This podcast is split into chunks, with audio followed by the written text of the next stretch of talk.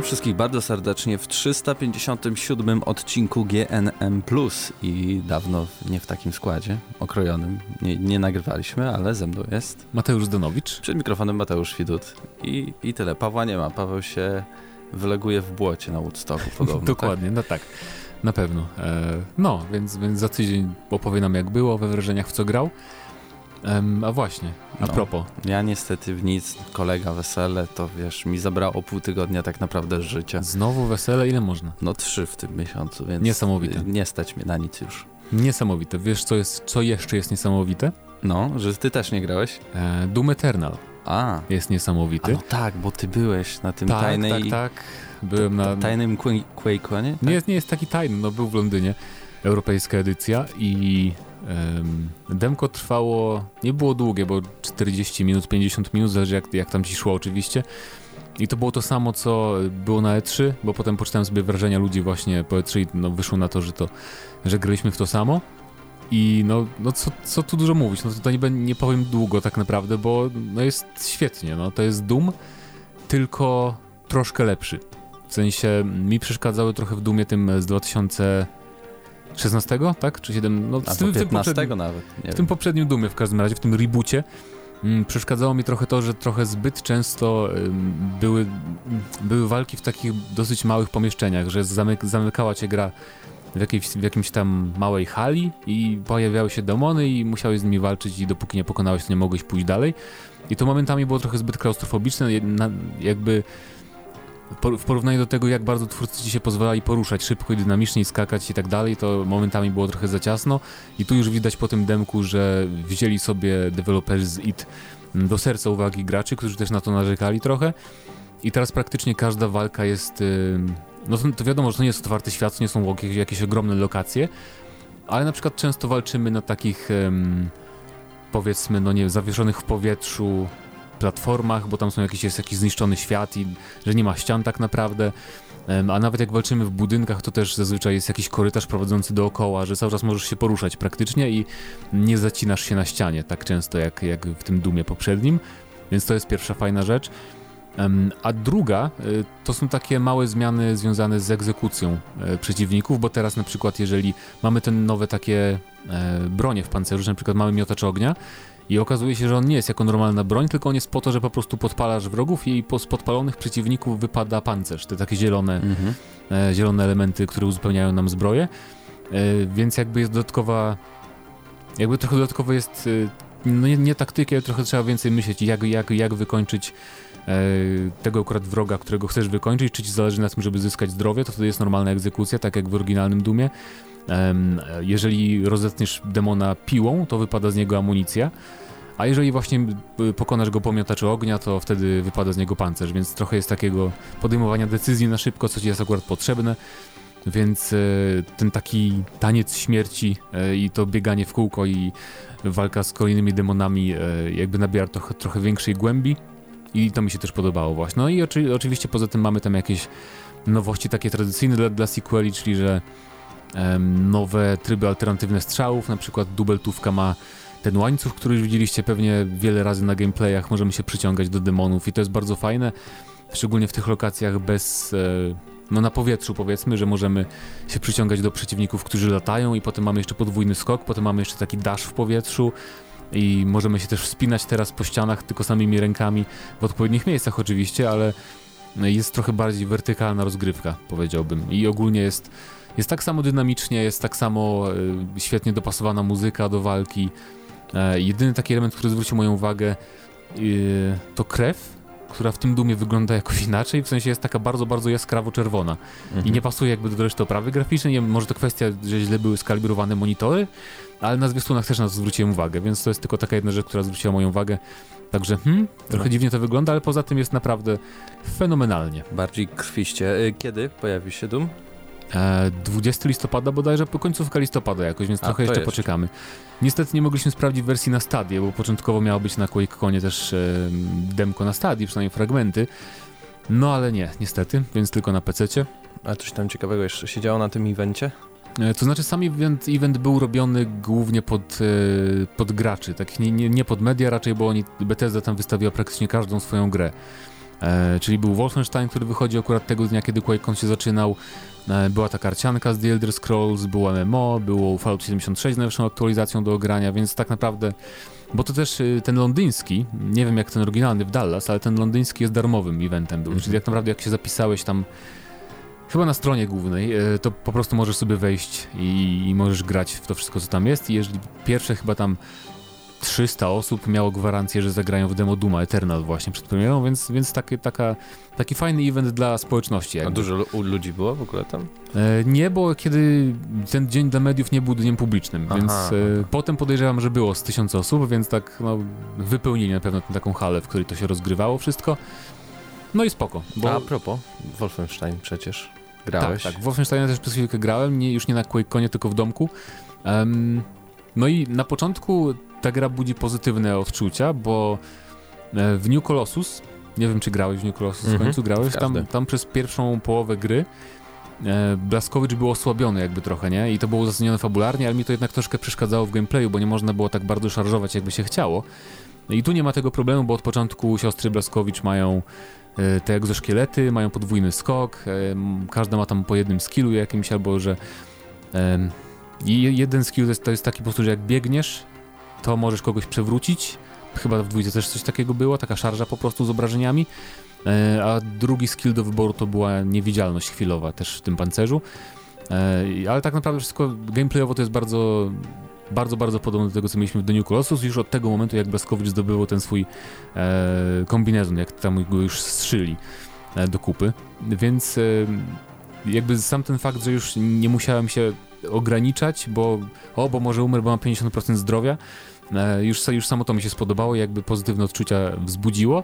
No i też e, bardzo fajnie jest to wyreżyserowane w tym stylu innych tych poprzednich części, że mamy e, bardzo fajne dialogi, scenki, postacie są bardzo fajnie zrobione. Oczywiście mamy też polski akcent, bo e, Alicja Bachleda Curuś, dobrze powiedziałem? Mhm. Alicja. E, przeklina po polsku we wstępie, jak tam uczy, pomaga córce tam w treningu i te córki też bluzgają czasem po polsku, więc tak fajnie się może człowiek... A tak, a po polsku mówią, jak poczuć. fajnie, nie? No. Wie, ale, Więc, jakie jest ale? Bo powiedziałeś, że na początku Ale- fajnie, ale, ale potem... pojawia się już po, no tak po 3-4 godzinach, kiedy okazuje się, że często jakby trochę za mało liniowa jest ta gra jak, na, jak dla mnie, jak, jak dla mnie. To nie jest taki liniowy Wolfenstein, tylko mamy mapkę i z głównej bazy sobie wybieramy, do której dzielnicy Paryża akurat chcemy pójść. I tam wykonujemy różne misje, ale to nie jest tak, że jedna misja to jest zupełnie osobna lokacja, tylko na przykład masz dwie misje przerwy i w czwartej misji możesz trafić do tej samej dzielnicy, nie? Czyli jakby wracasz do tej samej lokacji, tylko musisz coś innego tam zrobić. Więc tak samo jak przeszliście całe, całą dwójkę Wolfensteina, to na końcu odblokowały nam się takie właśnie jakby misje poboczne, nie? Że mogliśmy sobie już wracać do tych lokacji, które widzieliśmy i to jest trochę na tej zasadzie, nie? Więc brakuje tu takiej liniowości Wolfensteinowej z tych y, poprzednich dwóch odsłon. No i to mnie troszkę zabolało, ale nie jest, nie jest to jakaś ogromna wada, nie? Bo no, nadal ten gameplay jest bardzo satysfakcjonujący i to jest najważniejsze jednak w tym Wolfensteinie. Chociaż wiem, że niektórzy ludzie o wiele bardziej narzekają na, na, tę- na tą strukturę gry e, i misji niż, niż ja, więc ra- radzę poczytać recenzję i zasięgnąć opinii, zanim, e, zanim zakupicie, bo jednak no jest to chyba najbardziej kontrowersyjny Wolfenstein, ale też na przykład jeżeli macie znajomego, który kupił, to możecie z nim zagrać, bo to działa tak jak to już chyba było w jakiejś grze Bethesdy, że e, jeżeli masz kopię Wolfensteina Youngblood, to możesz zaprosić znajomego do gry, jeżeli on nie ma tej gry, nie? I możecie sobie Mhm. całą grę nawet przejść, więc to jest bardzo fajny motyw. I może w taki sposób się zainteresujcie, kto z, was, kto z waszych znajomych już kupił, żebyście mogli sobie przetestować e, bez płacenia po prostu. To ja muszę się zainteresować, bo bardzo No chętnie bym zagrał. E, no dobra, coś jeszcze u Ciebie było grane? E, nie, z nowości to już nic, więc... Więc nic przechodzimy do pierwszego tematu, a pierwszym tematem, no to, to dzisiaj dużo plotek będzie, w sumie prawie same plotki. No wakacje mamy, no co Eee, zrobić? PlayStation 5 w co? szwedzkim Mediamarkt e, będzie kosztowało e, 9999 koron szwedzkich, co w przeliczeniu na złotówki to jest około 4000 złotych. E, I oczywiście tutaj pada dużo jakby takich rzeczy, że to oczywiście placeholder, e, wstawili sobie po prostu taką cenę, e, bo w sumie tam nie można tego było zamówić. E, Które mogłeś sobie zarezerwować a mo, tak, mo, że można tak było. coś takiego, że, że zarezerwować. nie, nie płacisz od razu w każdym razie tej sumy, ale taka rezerwacja i no oczywiście, że to jest placeholder, no bo jakby sklepy to często robią i tak samo pewnie to będzie coraz częściej się pojawiać, podejrzewam. I w polskich Żeby się sklepach... wypozycjonować tak, w tak. Google. I w polskich sklepach też to się będzie pojawiać niedługo, tak sądzę. Nie wiem, czy tak szybko, no ale już pewnie za parę miesięcy. Przy czym no, jak już spojrzałem na tę cenę, że 4000 zł, to tak sobie pomyślałem, że to Mogłoby być realne to wcale właśnie. nie jest takie nieprawdopodobne, biorąc pod uwagę te podzespoły, które tam... Te, te zresztą konsole obydwie od Microsoftu, to najlepsza i PS5 są bardzo porównywalne, bo mają bardzo podobne procesory, mają praktycznie... Znaczy nie wiemy jakie dyski SSD tam będą, ale wiemy, że będą te dyski SSD em, i wsteczna kompatybilność i tak dalej, i tak dalej, więc te konsole będą do siebie zbliżone, podejrzewam. I za to wszystko jakby nie wierzę, że cena będzie 4000 zł, tam 3900 w Polsce, ale na przykład powyżej 3000 jestem w stanie uwierzyć, że, że tak. Nie albo, wiem, czy to, Albo trzy. nie wiem, czy to wybiegam za bardzo w jakieś nie, nie, nierealistyczne realia, scenariusze, ale wydaje mi się, że nawet 3200 300, no wiesz, 399 to jest cena realna jak za, to, jak za tę konsolę. No bo jak wychodziło PlayStation 4, to to było 1799 zł, tak? Coś takiego. A nie ponad dwa? Nie, wydaje mi Wydaje się, mi się, że, że... ja nie płaciłem. Chyba, że dwa w jakimś zestawie. Chyba PS3 kosztował, może mi się pomyliło z PS3. No bo mi- PS3 kosztowało t- ki- 3000 też. A no właśnie, więc no, no, więc powracam do PS3 jakby, nie? Wtedy, wtedy taka cena była możliwa. I no, wydaje mi się, że PS4 to nie był aż taki ogromny przeskok, bo nadal mieliśmy ten sam rodzaj dysku, chociaż zmienili architekturę oczywiście e, w tym e, w PS4 z przejściu do, z trójki, ale jednak, no nie wiem, wydaje mi się, że w każdym razie, bo ludzie się śmieją z tej ceny 4000 i oczywiście tak jak powiedziałem 4000 to na pewno nie będzie PS5, ale ale w 3000, 3200 jestem w stanie uwierzyć, nie? Więc O, i tutaj sprawdziłem dokładnie. 1799. Do, dobrą mam pamięć. okej. W 2000, którym to No było? to tak jakby porównać. 13. Hmm. Tylko też, wiesz, trochę inne też inflacje, takie rzeczy. Podejrzewam, że jakby teraz wychodziło PS4, to by kosztowało tam 2200. Tak myślę, że, że to troszkę jednak też upływ lat ma znaczenie. Ale porównując do 1800, to faktycznie te 3000 tak no, nie wesoło. Dru, drugie tyle tak naprawdę. Nawet y, Xbox One X kosztował niecałe 2,5, jak, jak wychodził, czy tam koło 2,5. Więc, e, no nie wiem, no możemy tutaj dużo gdybać jakby na temat tej ceny, ale prawda jest taka, że no musimy poczekać, tak? Musimy poczekać, Musimy. zapewne w grudniu się dowiemy na PlayStation Experience. A ma być? Podejrzewam, że będzie, No, no, w bo tamtym roku nie było, wiesz. wiesz, Sony nie robiło E3, Nie chyba nie zrobi nic na Gamescomie, jeszcze nie wiemy, Chyba. ale ma, wydaje mi się, że jednak już byśmy wiedzieli, tak? Już by ogłosili to światu, gdyby robili jakiś event. Jakieś plotki były, ale Właśnie. czy to one się potwierdzą? My na razie nic o tym. Paris Nie Games wiemy. Week, czasem tam Sony bywa, ale to też nie jest event, na którym oni jakieś większe zapowiedzi em, no, jakby uja- ujawniali, więc podejrzewam, że zrobią w grudniu PS Experience. No to jest taki jedyny, no bo nie chce mi się wierzyć, że oni zupełnie zamilkną na, na ten rok, już do końca roku, nie? Tak to by było to by aż dziwne. No. No, dokładnie. Więc zobaczymy. No. No, czekamy na wasze komentarze. Jak sądzicie, ile przyjdzie nam zapłacić za PlayStation 5 i na przykład, czy taka cena 4000 zł to w ogóle byłaby dla was akceptowalna? W sumie to jest takie zabawne z tymi cenami, no bo y, zwróć uwagę, że telefony już tyle kosztują, nie? No jak, jak telefon kosztuje, nawet już nie tylko Apple, ale jak na przykład Samsung ten No, S10 3800, tak? W No momencie to 4000. No właśnie, o to mi chodzi, nie? Że, że jakoś to jest tak, że są ludzie w stanie kupować telefony co 2-3 lata i to tacy bardziej konserwatywni kupują co 3-4 lata, nie? A niektórzy kupują co 2 lata, czy nawet co roku niektórzy. I to nikomu nie przeszkadza, że są takie ceny, a jednak konsola to się nam tak wyryło już, że kosztuje tak 2000 w okolicach. No. Jakby nie jesteśmy chyba przygotowani psychicznie, psychicznie na zmianę taką większą dosyć. No ale to jest ciekawe, no w każdym razie wypowiadajcie się, że dali, czy dalibyście 3900 za PlayStation 5. Tak, a my teraz przejdziemy e, do następnego tematu, trochę związanego nadal z Sony, bo pojawiły się nowe informacje dotyczące The Last of Us 2 i tajemniczego IP również od Naughty Dog.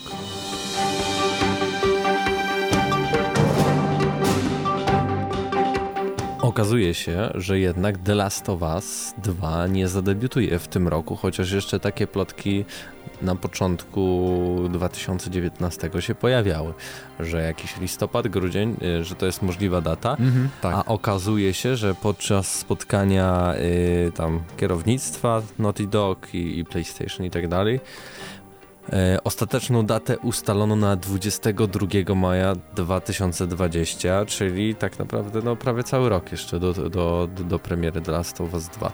To pasuje jak na taka premiera gry na PlayStation, nie? Bo one, te, te duże ich hity ostatnio wychodziły um, właśnie Kwiecień, wiosna, wczesne lato, nie? Więc e, Days Gone wyszło w kwietniu na przykład, tak? A Dobrze no myślę? tak, tak.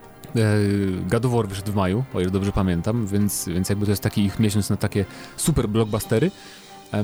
Natomiast e, to jest o tyle zastanawiające, że to trochę zostawia taką lukę na początku roku wtedy, bo mi się nie chce wierzyć, że Ghost of Tsushima wyjdzie przed The Last of Us 2. Ja Jakoś nawet wiem, słyszałem teraz, że to ma być w ogóle ostatni tytuł, tak? Ekskluzywny Ghost of Tsushima czyli, na czyli PlayStation jesienią, czyli 4. pasował Czyli jesienią 2020 wtedy. Właśnie jeszcze inaczej, bo może oni chcą zrobić tak, że jakby tak samo było z PS4 i z PS3, że jakby The Last of Us był ostatnim tytułem na PS3 i to właśnie wyszło tam w pierwszej połowie roku, a potem już było nic, nic, nic i już były gierki na PS4.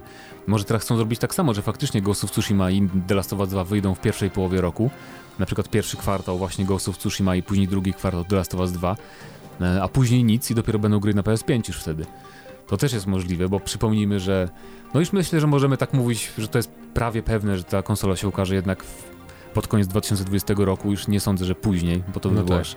nie pasowałoby zupełnie do całej tej marketingowej, typowej struktury tradycyjnej. Em, No Death Stranding będzie na koniec tego roku, tak? no właśnie, więc by pasowało, nie? Bo masz Death Stranding, tam 3 miesiące powiedzmy, Ghost 3 miesiące i The Last of Us 2, później przerwa wakacyjna i marketing rusza PS5. To by pasowało, ale to ogólnie, bo mm, parę tygodni temu aktorka Ashley Johnson, która gra Ellie w The Last of Us, mm, ona tam się zająknęła w jednym wywiadzie, powiedziała fe, że wiesz, februar, że niby Mhm. The Last of Us 2 się ukaże w, w, w lutym 2020 roku i to wtedy były newsy. E, Później Troy, Ba- Troy Baker tam sprostował, że nie, nie, że my nie znamy daty premier, że oni nam nigdy nic nie mówią. W sumie możliwe, że im nie mówią, ale i tak wydaje mi się, że jakoś tam się dowiadują w kuluarach i tak od tam od niektórych ludzi, aktorzy głosowi. Ale no maj to brzmi brzmi prawdopodobnie, no nie zdziwiłbym się, no. To jest To trochę późno, bo ja jednak liczyłem, że jak, jak najszybciej uda Znaczy, się zagrać trochę, The Last je, jeżeli nie ukaże się wcześniej ekskluzyw inny w tym roku na, na PS4, to tak, to będzie późno, ale jeżeli się ukaże, no to jakby Ghost of Tsushima jest na tyle interesujące, że jakby wypełni chyba lukę na te ekskluzywy PlayStation. No ale y, nie tylko y, taką informację mamy, bo jeszcze y, Naughty Dog podobno pracuje nad nowym IP właśnie Tak. specjalnie już na PlayStation 5. I o tym już słyszeliśmy kiedyś, i tylko wtedy były zupełnie inne plotki, bo wtedy była mowa coś tam, że to ma być jakiś projekt Star coś tam, jakieś science fiction w kosmosie, taki właśnie action adventure Uncharted. Mm, A teraz i możliwe, że pracowali nad takim prototypem jakimś, nie? jakieś koncept arty może robili, a teraz okazuje się, że, że to jednak coś, e, no coś innego. Strays Cross. Tytuł, Tytuł. y, roboczy, nazwijmy tak, bo, to. bo nad tytułem normalnym cały czas w ogóle myślą podobno, jak to ma się nazywać. I to ma być przygodowa gra akcji z perspektywy pierwszej e, osoby e, i to ma zaprezentować e, dwóch bohaterów. Ten tytuł. Pierwszą jest utalentowana pani naukowiec, która fascynuje się zagadnieniami naukowymi w obszarze czasu i przestrzeni. Hmm. E, a drugą osobą ma być przestępca, były robotnik e, budowlany, który próbując chronić swego przyjaciela podczas strzelaniny z policją, trafi niesłusznie do więzienia. Fabuła ma koncentrować się na relacji obu partnerów, którzy wspólnymi siłami będą starali się rozwikłać zagadkę i odzyskać to, za czym tęsknią. Okej, Jakiś bardzo, bardzo ogólny opis. Jakiś taki roman, Ale to właśnie brzmi jak taki opis. romantyczna gra. no. Tak, to, ale to brzmi jak taki opis, który przedstawiasz na spotkaniu z inwestorami, tam nie takie, takie ogólne coś. I też coś tam wyczytałem, ym, bo to ogólnie jest tak, to jest plotka z Forczana, więc ze szczyptą soli, tak to się mówi po polsku, z przymrużeniem oka to traktujmy, że to ma być taki klimacik trochę steampunkowy, trochę futurystyczny, więc... No, już cyberpunk wyjdzie, to wiesz, to będzie boom na takiego. Ale właśnie to nie ma być cyberpunk, nie? Tylko taki bardziej brudny steampunk połączony z Mhm. futuryzmem, więc to mi się podoba jakby w założeniach, że to nie jest właśnie jechanie na, na tym samym, ale mi się też podoba to, że jeżeli to oczywiście się okaże prawdą, że FPP, no bo jednak Naughty Dog mm, na, na, na starych konsolach robili platformówki, tak? I to był taki gimmick, to były dwie generacje konsol, kiedy robiły, robili um, Crasha, a później robili Jacka i Dextera. E, natomiast później był Uncharted i The Last of Us, czyli gierki TPP akcji. No i pasowałoby, żeby w końcu jakby odeszli już od tego. Ja lubię oczywiście bardzo The Last of Us i czekam na dwójkę jak na mało jaką grę. Jeszcze Unchartedy wszystkie, tak? No, no Unchartedy troszkę mniej może lubię, ale oczywiście też mi się wszystkie podobały, aczkolwiek fajnie by było, gdyby właśnie nową generację wykorzystali do, nie do klepania sequeli sprawdzonych, tylko jednak do czegoś e, naprawdę innego, a jednak jak dla nich gra akcji przygodowa slash FPP, no to byłoby coś naprawdę innego, nie? I fajnie byłoby zobaczyć coś takiego faktycznie e, świeżego od Naughty Dog. No, Bo już pokazali, nie pokazali, no że tak. umieją robić takie nowe TPP-ki, to teraz niech przejdą właśnie do czegoś innego. No na pewno nad czymś pracują, bo no, to, to już jest wiadomo, sam Sony mówiło, że każde praktycznie studio pracuje nad jakimiś e, nowymi projektami. No tak, zresztą, zresztą teraz Naughty, Naughty Dog jest taki, takim ogromnym studiem, że na pewno nie cały pracuje nad The Last of Us 2. Zresztą prace nad e, part, part 2 na pewno się już kończą zresztą, więc to też pewnie już duża część deweloperów też przeszła do tego nowego projektu. No Ale jak, naj, no. jak, najbardziej, zmiana taka trochę może gatunkowa, chociaż i tak nadal, e, jak e, można wyczytać z tego opisu, to będzie gra, która będzie się skupiała na przedstawieniu fabuły, nie będzie to żadne to akurat... online ani tryb wieloosobowy, co, Chyba, że za, co, za co szanuję. No koop będzie, albo to będzie takie w stylu A Way Out. O nie. No dwie osoby na albo, jednej kanapie. Albo, wy, albo, wybór, albo wybór bohatera będzie, no nie wiadomo, można zrobić różne, różne rzeczy z dwójką bohaterów. Chociaż z FPP to dziwnie by wyglądało, ale to zawsze coś nowego, nie? No właśnie, o to chodzi, o to chodzi. Coś nowego, nowa generacja, niech będzie coś nowego w grach też i dajcie znać, co sądzicie o potencjalnej, futurystyczno-steampunkowej, przyszłościowo science fictionowej grze akcji FPP od Naughty Dog, która miałaby się ukazać na PlayStation 5. I czy nie jest wam smutno, że The Last of Us 2 się pojawi w maju. A my przejdziemy teraz do nowego Need for Speeda, który prawdopodobnie będzie niedługo zapowiedziany. Dzisiaj na austriackim sklepie z grami, który się nazywał Gameware, e, pojawiły się dwie karty e, o tytule Need for Speed Hit na PlayStation 4 i Xbox One. Gra miałaby się pojawić jeszcze e, w tym roku. Darmowa przesyłka 68 wow. euro. E, znaczy, to już warto też zaznaczyć, że EA w lutym podczas jak to się nazywa po polsku? E, financial Call, e, rozmowy z inwestorami tam o zarobkach mhm. w każdym razie, e, potwierdziło, że jakiś Need for Speed się ukaże w tym roku, więc już wiedzieliśmy, tam domyślaliśmy się, że tylko oczywiście to mogła być gra mobilna, wiesz, to nie było pewne, ale jednak dużo osób się spodziewało jednak takiej pełnoprawnej dużej części, bo w ubiegłym roku nie mieliśmy Need for Speeda, była przerwa po tym średnio przyjętym no i zepsutym Need for Speed, który nazywał się po prostu Need for Speed, prawda, o ile dobrze tak. pamiętam. I on, to była, szkoda mi było tej gry, bo ona była naprawdę dobra pod względem gameplayu. Jak pamiętam, grałem na Gamescomie, grałem w demko i w początek sam z gry, to naprawdę tam, tam jeździło się bardzo fajnie w tej, mhm. w tej produkcji, ale ten system rozbudowy i ulepszania aut i zdobywania tych wszystkich części był tak odpychający wręcz, że po prostu nie chciało mi się w nią grać dłużej. No i to ten był... I wróciłem sobie wrócić do starszego Rivals, który też nie, nie był idealny. Payback był... był ostatnio w ogóle. To on A, był Always Online? Jeszcze był Payback, masz rację. No tak, 2013 o, Rivals, później Need for Speed po prostu, a w 2017 tak Payback. Właśnie, czyli, payback. czyli, no tak, to payback, payback był jeszcze inny, tak, bo oni próbowali wrócić do tego, że hej, mamy fabułę, i też przez to troszeczkę, A, to to, no. tak, też przez to troszeczkę ucierpiała ta gra i to właśnie tam, tu był ten system, o którym mówię, tych mikropłatności. Nawet, nie, nawet już nie chodziło mi o same mikropłatności, ok, niech one będą, tylko nie, nie w takim stylu, że prawie jak w, się czuję jak w grze, grze, grze mobilnej, ale to jeszcze było przed tym fiasko Battlefronta 2, kiedy oni jeszcze nie, jakby, no nie wycofali się z tego, więc już tego, tego pewnie nie powtórzą, ale a propos samego Need for Speeda, oczywiście tytuł nic nam nie mówi, bo Need for Speed może mieć jakikolwiek podtytuł i tak nic nam to nie powie, Um, hit może to być wskazówka, że troszkę policji tam będzie, bo wiesz, gorączka. No, albo może... wiesz, muscle cary, czy takie wiesz. Albo gorące. miejsce akcji może będzie jakieś. Yy...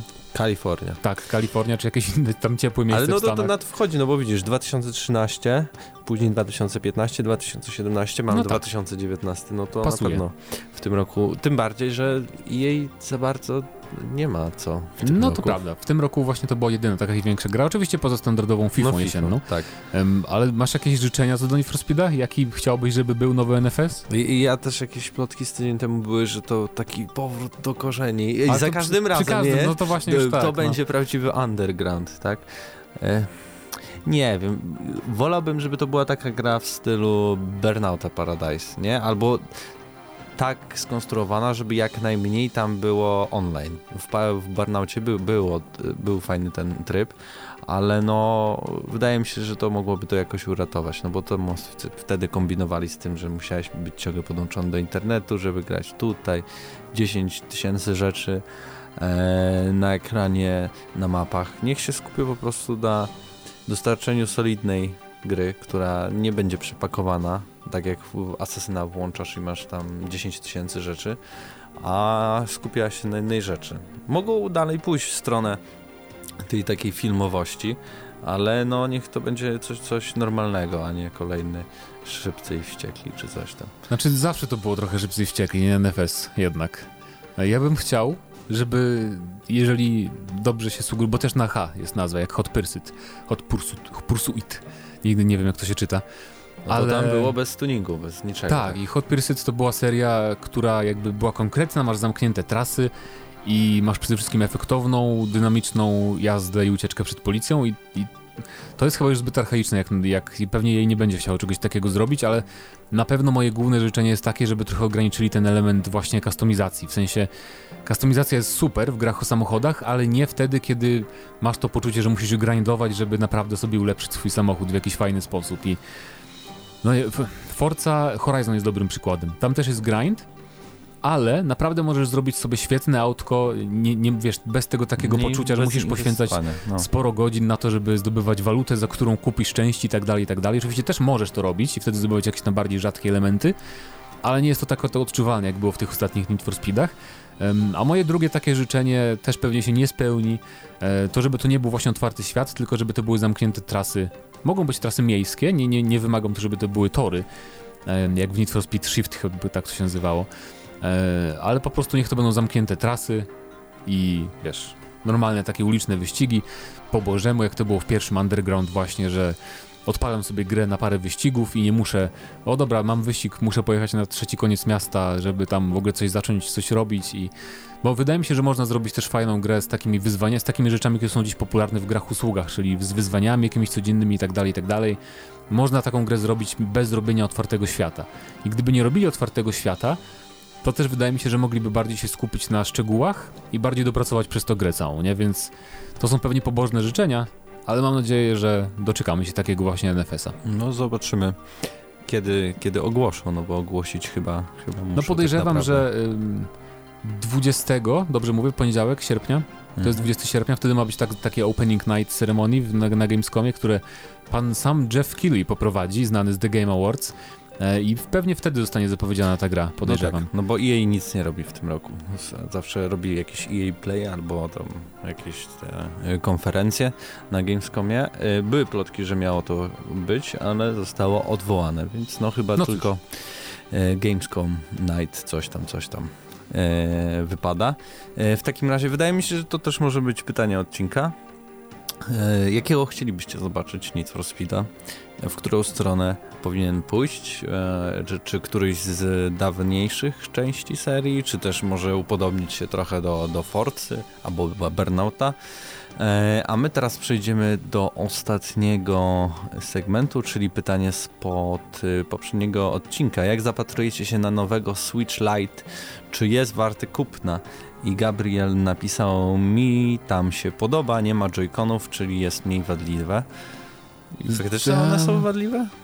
Tak, y, znaczy nie, to nie jest jakiś super powszechny, ale sporo osób ma problemy, jeżeli bardzo często, wiesz, wyjmują te joycony, nie? Bo jednak ten mechanizm trochę się zużywa i oczywiście jak jesteś, jak jesteś ostrożny, to, to spoko, to ci ten Switch nic się z nim nie stanie, ale jak wiesz, no wiesz, że są gracze, nie? Tam szybko wyjmujemy, wkładamy, nie patrzymy za bardzo, czy naprawdę na pewno dobrze to dopasowujemy te części, wpychamy na siłę, to to się potrafi zepsuć jednak, te mechanizmy. No w sumie tak, no przecież ludzie psują im się pady. Mi się pad no właśnie, nigdy w no życiu no nie popsuł. Więc a joycony, joycony tym bardziej, bo tam masz ten mechanizm, który to trzyma.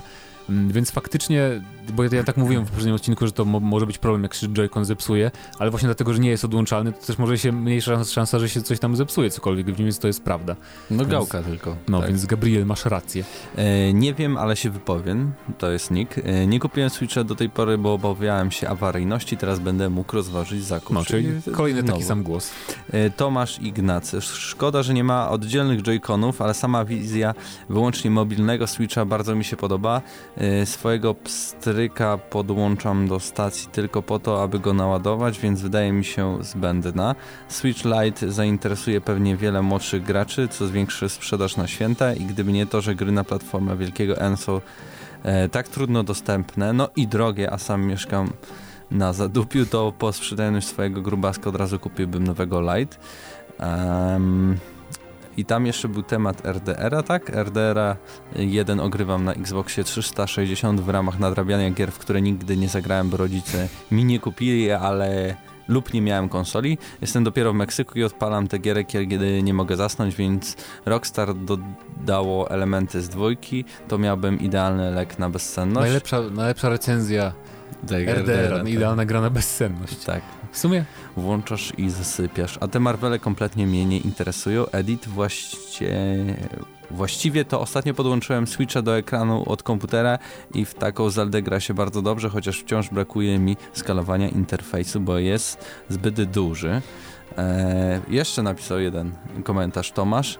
E, powiem Ci, że mój Switch jak na hardkorowe traktowanie trzyma się wyśmienicie, jednak bez szkła hartowanego się nie obejdzie. No to ja się zgadzam. E, też mam właśnie tylko szkło hartowane, to jest jakby jedyna jedyna rzecz, jaką dokupiłem do tego Switcha. Joy-Cony się trzymają świetnie, chociaż dawno ich strasznie nie wyjmowałem, bo gram głównie na Pro Controllerze, więc można.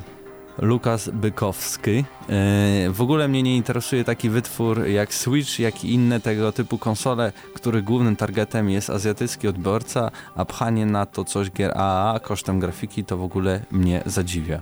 Co ciekawe, hmm. Wolfenstein będzie. A? To jest tyle ciekawe, że bardzo jestem ciekaw, no nie mam teraz danych przed sobą, ale wydaje mi się, że Switch nie ma jakiejś tam kolosalnej przewagi, jeżeli chodzi o sprzedaż nad e, połączonym rynkiem Europy i Stanów Wiesz, Europy mhm. plus Stany kontra Azja. Nie sądzę, że tam jest jakoś tam okropnie jak to było na przykład, chociaż 3DS też się świetnie sprzedawał na, na, na, zachodzie. Oczywiście tam w Azji trochę lepiej, bo e, jakby ludzie tam wolą konsole przynośne, ale to nadal jest bardzo, bardzo popularna konsola na zachodzie. To, że w Polsce nie jest aż tak popularna, to jest kwestia tego, że po prostu chyba dystrybutor no, mógłby troszkę bardziej podziałać, nie? żeby to jednak było, było trochę bardziej u nas na topie, chociaż też się pojawiają reklamy coraz częściej w dużych miastach, y, nawet tych bardziej niszowych gier. Więc no można. No i nawet tutaj ostatnio chyba Nintendo się chwaliło, że sprzedało 36, e, no prawie 37 milionów kopii e, Switcha, a 3DS 75, więc to nawet po takim czasie, jak, no właśnie, jak więc, więc, to jest bardzo młoda konsola, to całkiem dużo tego sprzedali. I to nie jest tak, że tylko w Azji głównie, nie? Więc... E, PlayStation teraz chyba pobiło rekord PlayStation 2. 100, 100 milionów, milionów bodajże, tylko tak. było chyba shipped, czyli nie sprzedanych jakby, czyli ale to pewnie też no, do, dobije do tych 100 na pewno w każdym razie. Spokojnie. No i co tam jest najbardziej sprzedawalną rzeczą? Dragon Quest Builders 2? W Stanach teraz, A, bo, to, Stanach. bo, to, jest pewnie z, z tego A, miesiąca. Tak, tak. Nie, to jest rozpiska rzeczy, które będą wychodziły w tym, w tym roku. No to, to, już nie, to, to już nieważne. O to. Mniejsza o to. Dziękujemy wam za, czy to wszystkie komentarze? To wszystkie, Na tak. pewno? Tak. A tam tak. nie było wyżej? Proszę. Nie było. Nie, nie, nie było. Super.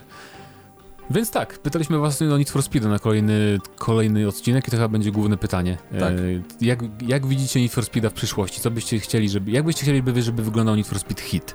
O, i tyle. I tyle, i tyle wystarczy. A to był 357 odcinek GNM Plus i razem z wami byli Mateusz Zdanowicz, Mateusz Widut. Do usłyszenia za tydzień. Cześć.